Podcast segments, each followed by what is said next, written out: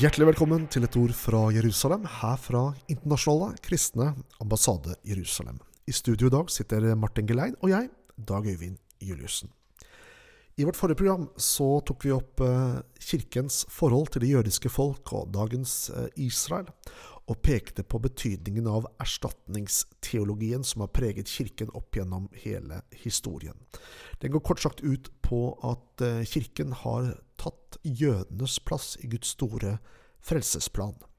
Og med den har det også vært en dyp eh, antipati, et dypt fiendskap fra kirken mot jødene gjennom hele historien, og nesten opp til våre dager. Og fortsatt i våre dager så opplever jøder og israelere at kirken preges av dette. For mandag 24.11., det er bare noen dager siden, så vedtok den svenske kirken å utrede om Israel er en apartheidstat.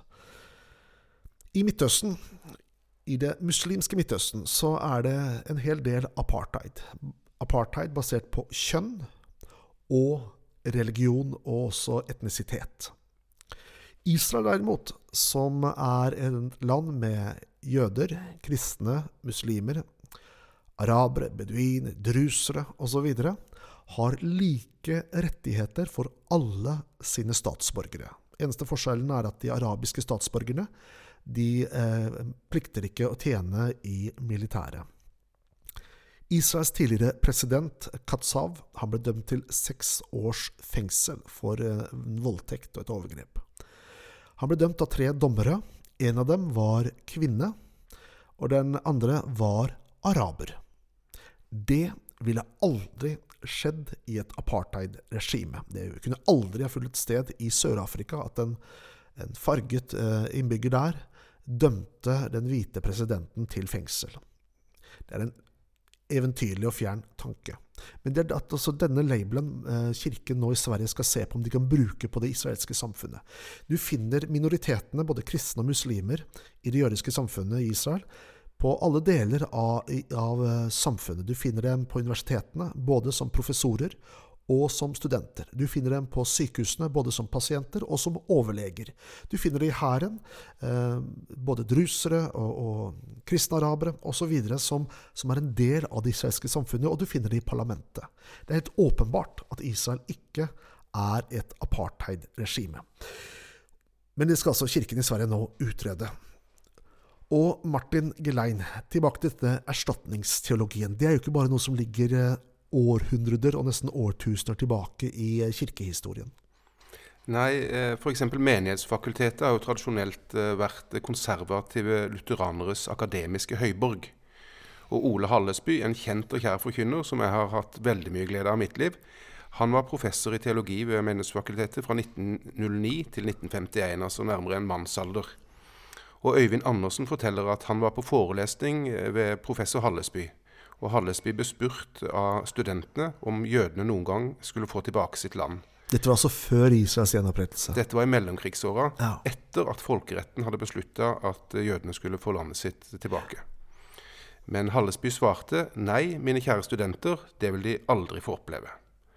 Hallesby skrev at det nasjonale Israel i den gamle pakt er avløst av det åndelige Israel i den nye pakt. Det var altså en teologisk umulighet at jødene skulle få landet sitt tilbake, for Gud hadde forkasta både folket og alle landløftene. Mm. Ivar P. Seierstad, som var professor i Det gamle testamentet fra 48 til 70, han sier i stedet for det konkrete folk Israel og det politiske og sosiale organet, har vi den usynlige virkelighet som heter Den hellige og allmenne kirke. Sverre Aalen, som var professor i Det nye testamentet fra 55 til 79, han skriver at det ikke kan være tale om at Jesus har godtatt de gammeltestamentlige profetiene om Israels fremtid, slik disse bokstavelig lyder. Så alle GT-løftene får en nytolkning i NT, noe også Oskar Skarsaune, Skarsaune som er en eh, professor i kirkehistorie i dag, også tydelig understreker. Skarsaune regnes som en ekspert eh, på dette området. Mm. Så her skyver altså Kirken bort jødenes plass og jødenes rolle eh, i våre dager. Ja, de har en forforståelse som de har, altså de har fått fra kirkefedrene og Martin Luther, om at jødene er forkasta fordi de forkasta Messias. Så da tar de på seg de brillene og leser alle bibeltekstene med en sånn forforståelse. Og utkommet må bli galt. Nettopp. Dette skal vi snakke mer om, Martin, men først skal vi høre på musikk.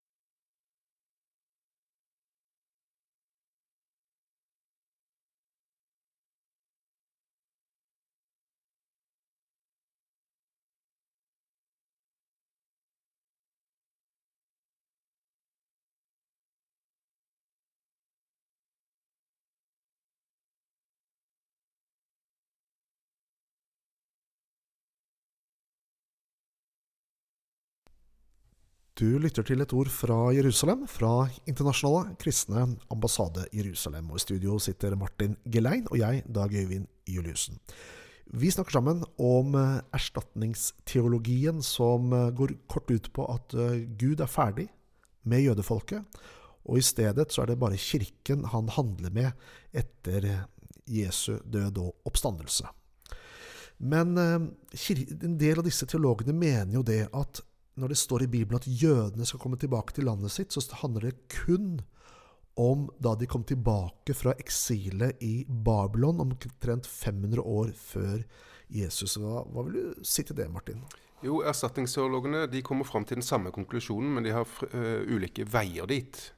Noen vil da mene, eller ett spor, uh, vi mener at uh, Gud har forkasta dem siden de har forkasta Messias. Eh, og andre vil mene at eh, de fleste av eh, løftene faktisk er oppfylt, knytta f.eks. til hjemvendelsen fra eksil i Babylon. Men det stemmer ikke. For leser vi profetiene, så ser vi at flere av profetiene snakker om at jødene skal bortføres til alle jordens folkeslag. Og det er jo helt noe annet enn Babylon? Ja, de skal bortføres til alle folkeslag og hentes tilbake fra alle folkeslag. Da de var i Babylon, så var det i nabolandet, der hvor Abraham faktisk hadde utvandra fra. Og det her var 2000 år før Columbus eh, oppdaga Amerika, f.eks. Så det var en umulighet at de skulle fordrives til alle folkeslag og hentes fra alle folkeslag. For det andre så er det flere av de her profetiene som er uløselig knytta til at hele israelsfolket skal komme i et rett forhold til Gud. Og det har det iallfall aldri vært, vært verken før eller nå. Og For det tredje så taler profetien om at Israel skal ha en konge, en helt spesiell konge, som skal styre med rettferdighet over Israel. Og Israel har ikke hatt noen konge siden de ble fordrevet fra Babylon. Og for det fjerde så forteller mange av profetiene om at alle folkeslag på jorda skal samle seg mot Jerusalem. Eh, og det har iallfall aldri skjedd, for det var jo en utenkelighet at alle kinesere og indianere skulle samle seg mot Israel da, for 2500 år siden, da disse profetiene ble utsagt. Men altså nå i vår tid så har vi et organ som heter nettopp Forente nasjoner. Eh, så det med at eh, løftene om hjemvendelsen er oppfylt, det er en urimelig påstand. Mm. Men som sagt så leser de hele Bibelen med de her brillene av en forforståelse, og, og nærmest leter med ly, lys og lykte etter argumenter som kan bekrefte den innstillingen.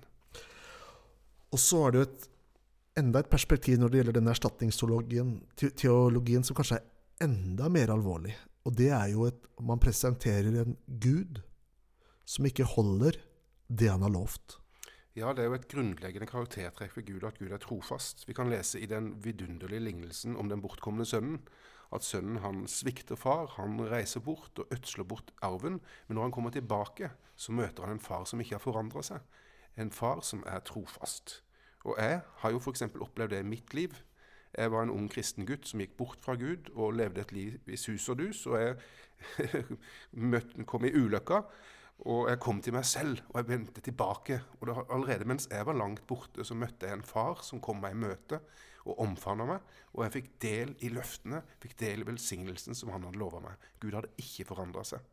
Så å si at Gud eh, har forandra seg i forhold til jødene, det, det bryter eh, med et helt sentralt trekk ved den guden vi alle tror på. Ja, eh, og det er jo interessant at Paulus han underviser om jødefolket i romerbrevet en hel del, og særlig i romerne 9, 10 og på en måte i 11 så stempler han budskapet, hvis vi kan si det på en sånn måte. Og der sier jo han, midt i undervisningen om jødefolkets rolle i denne frelse, eh, Guds frelsesplan, så sier det at Gud angrer ikke sitt kall og sin utvelgelse.